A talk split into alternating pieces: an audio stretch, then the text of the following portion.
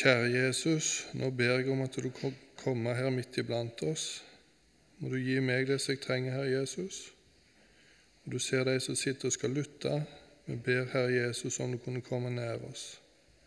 Velsign stunden videre, Herre. Amen. Ja, Som du hørte ved innledningen av møtet, så er mitt tema i dag kong Salomos tro og vantro. Eh, Salomo det betyr egentlig fredelig. Og Vi kjenner jo eh, dette eh, hebraiske ordet shalom, som også har med Salomo å gjøre. Det, det betyr jo fred. Shalom. Fredelig betyr navnet på denne personen vi skal snakke om. Og Vi vet jo det at Salomo det var kong Davids sønn med Batseba. Og Vi husker fra bibelhistorien hva som skjedde da David så Batseba bade, og han fikk slik trang etter henne. Og han gjorde sitt at hennes mann Uria ble drept i striden, og David tok Batseba til sin hustru. Og Så er det en setning som jeg eh, beit meg merke i 2. Samuels bok 1224. Der står det det om at Batseba at hun fødte en sønn som David kalte Salomo. Og så står det en setning Og Herren elsket ham. Jeg syns det var veldig sterkt å lese den setningen da du tenker på det dramaet som hadde skjedd her mellom eh, David og Batseba. Salomo han var elsket av Gud, selv om foreldrene hans hadde synda. Og Derfor kan vi trekke den slutningen at barn skal ikke lastes for sine foreldres synder, og heller ikke skal foreldre lastes for det som barna har gjort. Men det enkelte mennesket det skal en dag gjøre oppgjør med Gud, med sitt eget liv, og ikke noe andres liv. Salomo han skulle overta tronen etter sin far, og vi vet det at kong David han var en gudfryktig konge til det siste, selv om det også var fall i hans liv, som vi nettopp har vært inne på. Han hadde synda grovt mot Herren, men han hadde ydmyka seg. Og så Hør hans bønn etter at han har synda mot Batseba, slik vi finner den i Salme 51. Vær meg nådig, Gud, i din miskunnhet Utslett mine overtredelser etter din store barmhjertighet. Tvett meg vel, så jeg blir fri for misgjerning, og rens meg fra min synd. Det var en ydmyk bønn David hadde til sin Gud, og Gud hørte hans bønn. Og Så skal vi òg høre noe av det som kong David sa som sine siste ord til sin sønn Salomo før han overtok tronen etter sin far. Første kongebok 2.3-4.: Ta vare på det som Herren din Gud har pålagt oss. Vandre på Hans veier og hold Hans forskrifter, Hans bud og Hans lover og Hans vitnesbyrd, som det er skrevet i Moselov, så du kan gå klokt og rett fram i alt det du gjør, og i alt du gir deg i ferd med for at Herren må oppfylle sitt ord, det som Han talte til meg da Han sa:" Dersom dine sønner akter vel på sin vei, så de vandrer for mitt åsyn i sannhet av hele sitt hjerte og hele sin sjel, så skal det aldri mangle en mann av din ett på Israels trone. Dette var noe av kong Salomos testamente til sin sønn da den gudfryktige kongen lå på sitt siste og skulle dø. Hvordan var så kong Salomo sitt forhold til Gud? I begynnelsen så, så det ut til at han levde med Herren. Det står f.eks. i første kongebok 3.3.: Salomo elsket Herren så han fulgte sin fars Davids forskrifter. står det.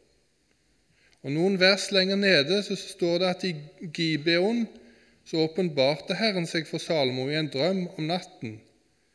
Og Gud sa til han, Be om det du vil, og jeg skal gi deg. Og Så skal vi lese det avsnittet der som vi finner videre i den beretningen. Det er i første kongebok 3. Vi skal lese fra vers 6 til 14. Salomo svarte, Du har vist stor miskunnhet mot din tjener David, min far, fordi han vandret for ditt åsyn i sannhet og i rettferdighet og med et oppriktig hjerte overfor deg. Og denne store miskunn mot ham har du holdt fast ved, og du gav ham en sønn som skulle sitte på hans trone, slik som det er i dag. Nå har du da, Herre min Gud, gjort din tjener til konge i min far Davids sted, men jeg er bare en ungdom, og ofte vet jeg verken ut eller inn. Og din tjener står her midt iblant ditt folk, det som du har utvalgt, et folk som stort, et folk så stort at det, ikke, at det ikke kan regnes eller telles, så stort er det. Så gi da din tjener et lydhørt hjerte til å dømme ditt folk, til å skille mellom godt og ondt. For hvem kunne ellers dømme dette folk, som er så tallrikt. Det var godt i Herrens øyne at Salomo hadde bedt om dette.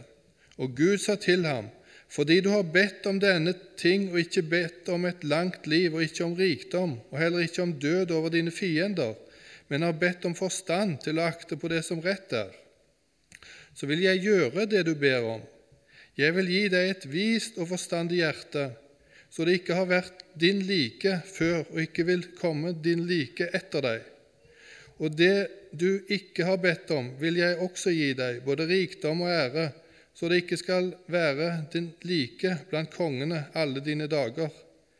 Dersom du vil vandre på mine veier, så du holder mine lover og mine bud, som din far David gjorde, så vil jeg gi deg et langt liv. Det var budskapet ifra Gud. Og Kong Salomo han ble veldig rik og en mektig mann. Han var konge i 40 år i Israel, og i hans regjeringstid den var på mange måter en lysende tid for nasjonen. Han var viden kjent, ja, over den hele verden på den tid, for sin visdom.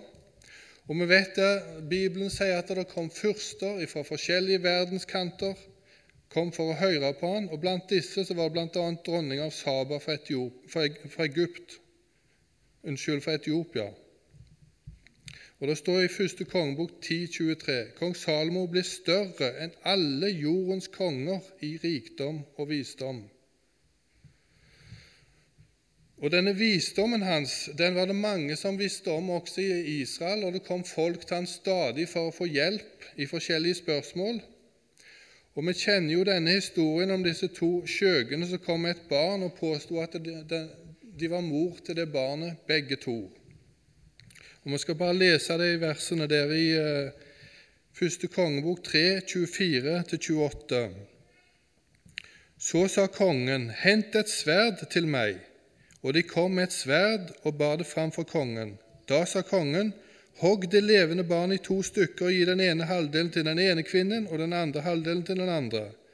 Den kvinnen som var mor til det levende barnet, sa da til kongen, for hennes hjerte brant for barnet sitt.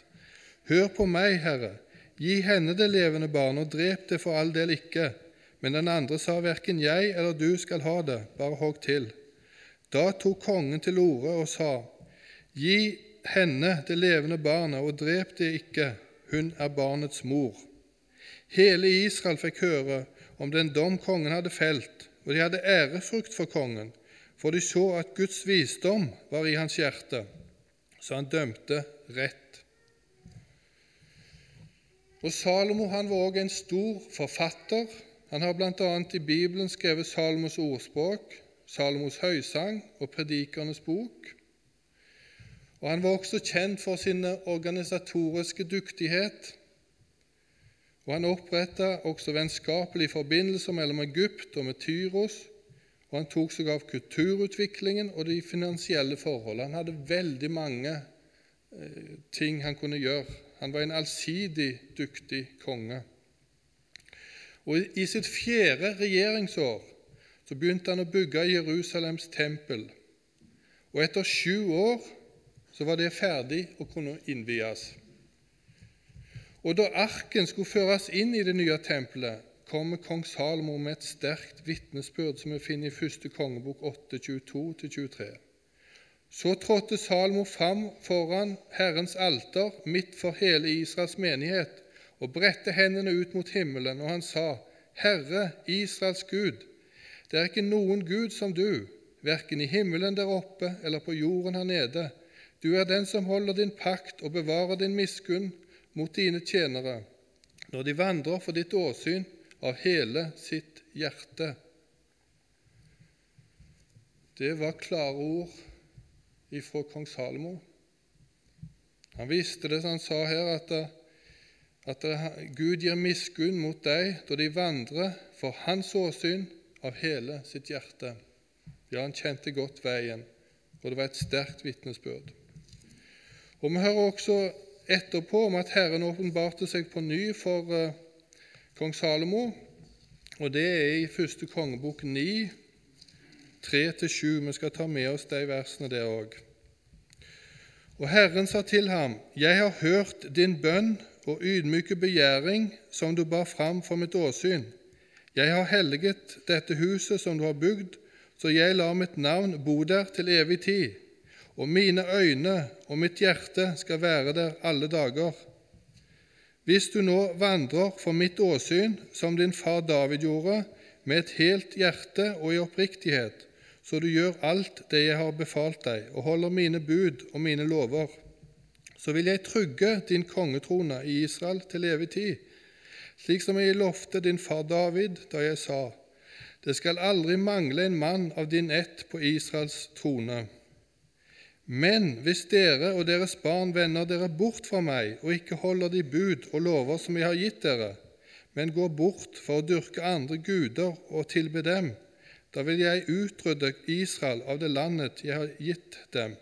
Det huset jeg har helliget for mitt navn, vil jeg kaste bort fra mitt åsyn og Israel skal bli til et ordspråk og til en spott blant alle folk. Jeg syns det er ganske sterkt å lese disse versene her. Hvis vi registrerer de to siste versene jeg leste her, så var det kommet inn et 'men' hos Gud i det han sa. Men hvis dere og deres barn vender dere bort fra meg, osv. Kan dette være en advarsel fra Gud til kong Salomo at det begynte å skje noe i hans hjerte som var på vei til å føre han bort ifra Gud? Kan dette rett og slett være et signal ifra Gud der han gir kongen en advarsel i klare ord om at han må ikke vende seg bort ifra han? Hvis vi går til kapittel 11 Det er et trist kapittel. Det innledes med et 'men'. Men kong Salomo elsket mange fremmede kvinner foruten faraos døtre, står der. Og Det sto her i 11.2 eh,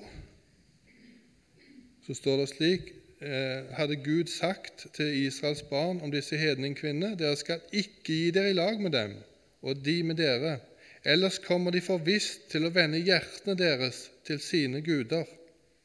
Så står det disse kvinnene holdt Salomo seg til, og dem elsket han.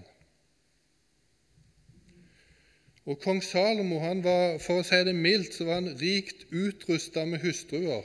Det står i verset etterpå her at han hadde 700 hustruer av fyrsterlig rang og 300 medhustruer. Og Fra vers 3 her så kommer det noe enda tristere.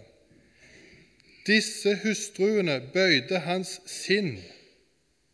Da kong Salomo ble gammel, vendte hustruene hans hjerte til andre guder. Og hans hjerte var ikke helt med Herren hans Gud, slik som hans far Davids hjerte hadde vært. Og i vers 6.: Og kong Salomo gjorde det som ondt var i Herrens øyne. Han fulgte ikke trofast etter Herren, slik som hans far David hadde gjort. Og Det står videre at kongen bygde offerhaug for Kamos, Moabs styggedom, og for Molok, Ammons barns styggedom. Og Det samme gjorde han for alle sine fremmede hustruers guder, og de brente røkelse og ofra til sine guder. Det ser ut til at kong Salomos frafall skjedde gjennom påvirkning fra hans hustruer, og han falt fra sin Gud. Dette frafallet som skjedde her, det var ikke noe som skjedde på en dag. Det var en utvikling. Det var noe som begynte i det små. Det begynte i hjertet, og så arbeidet det seg mer og mer. Det var ingen mennesker som så det i begynnelsen, men Gud så det. Og Det er ganske tankevekkende at i denne sammenhengen så kan vi sitere et bibelvers som nettopp Salomo sjøl har skrevet om dette. I Salomos ordspråk 4, 2-3. Bevar ditt hjerte fremfor alt du bevarer, for livet utgår fra det. Det er Salomo som har skrevet dette sjøl. Og han fikk virkelig erfare dette var sant i sitt eget liv. Det begynte som ei synd, som et opprør mot Gud i hjertet, og så ble det til konkrete gjerninger, og så gjorde han det som var ondt i Herrens øyne. Og La dette også være en tankevekker til meg sjøl og til deg. Frafallet fra Gud det begynner i vårt eget hjerte. Da ingen andre mennesker ser det. Der starter det, og det går over tid. Og Derfor er formaningen i Efeserne 3,17 så viktig å legge merke til. At Kristus må bo ved troen i deres hjerter. At det må være Jesus som har tilgang til hjertet. At det er Han som styrer vårt liv, og at det er Han som regjerer. Herrens vrede den ble opptent mot kong Salomo etter det som skjedde, fordi han hadde vendt hjertet bort ifra Gud og han holdt seg ikke lenger etter det som Herren hadde befalt. Og I første kongebok 11, 11-12 kan vi lese Da sa Herren til Salomo.: Siden det er slik med deg, og du ikke har holdt min pakt og mine lover, som jeg har gitt deg, så vil jeg rive riket fra deg og gi det til din tjener. Men for din far Davids skyld vil jeg ikke gjøre det i din tid, men jeg vil rive riket ut av din sønns hånd. Det står dessverre ingenting senere i første kongebok om at kong Salomo igjen vendte om til Herren. Han gikk inn i evigheten som en frafallen, uten Gud, uten håp. Og I første kongebok 1143 så leser vi om kongens død. Så la Salomo seg til hvile hos sine fedre og ble begravet i sin far Davids stad og hans sønn Rehabeam ble konge etter ham. I bibelsk oppslagsbok så har de skrevet følgende om kong Salomo. Salomo verken levde eller døde som sin far. Vi har ingen underretning om at det til hans etterfølger ble uttalt fra hans dødsleie noen alvorlige, kjærlighetsfulle formaninger til å tjene Herren, slik som tilfellet var med den døende David. Over Salomos dødsleie hviler det en dyp stillhet. Her er ingen skjønn solnedgang som gir løfte om en enda herligere morgen, skriver Bibelsk oppslagsbok. Og Så kan vi spørre hverandre hva skal denne beretningen om kong Salomo minne oss om, fortelle oss om, i 2010? Det er et sangvers som eh, på en måte svarer litt på det spørsmålet. Det er en sangbok 470, det andre verset der. Jeg skal bare sitere det. Begynt er ikke endt, det må du vite. Du som har Jesus kjent, bli ved å stride. Det betyr at selv om jeg og du en dag har tatt imot Jesus og lever med Han, så er det ingen selvfølge at vi skal nå hjem til himmelen. Det er ikke det.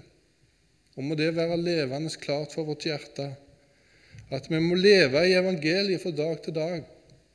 Vi må leve på det som Jesus har gjort for oss.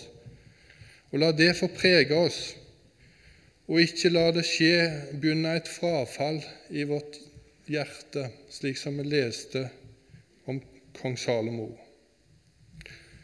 Så kan vi spørre litt om hvilke farer kan være aktuelle for oss i dag. Jeg skal bare nevne én ting. For det er nok ikke hedenske hustruer som er største faren for oss i dag, slik det var for Salomo. Men la meg nevne én ting. Hva med materialismen eller havesyken? Teksten på søndagen for to uker siden, den 6. juni, det var om den rike bonden i Lukas 12, 13-21. Han fikk så stor avling at han måtte bygge større låver, og Gud var helt fraværende i hans tanker og liv. Vi skal bare lese de par siste versene der i denne beretningen. Så vil jeg si til min sjel, sjel, du har mye godt liggende for mange år Slå deg til ro, et, drikk, vær glad. Men Gud sa til ham, Du dåre, i denne natt kreves din sjel av deg. Hvem skal så ha det du har samlet? Slik er det med den som samler seg skatter og ikke er rik i Gud. Jesus advarer oss mot å tro at materiell velstand og rikdom slukker alle sorger. For rikdom kan være en av de største farene, ja, det er kanskje en av de aller, aller største farene i vår materialistiske tid med tanke på vårt gudsliv. Det er ikke dermed sagt at det er synd å være rik, for vi ser også i Bibelen flere plasser at Gud velsigner mange med rikdom. Men det er hvis rikdommen får førsteplassen i vårt hjerte og er det som vi stoler på, slik som er den rike mannen, den bonden som vi leste opp, så blir det synd, og da kan rikdom lede oss inn i fortapelsen. Kanskje det er nettopp her faren ligger for oss som bor i Norge i dag, i 2010, i et av verdens rikeste land. Det skal god rygg til å bære slik velstand, kjære venner, uten at det gir skade på vår sjel.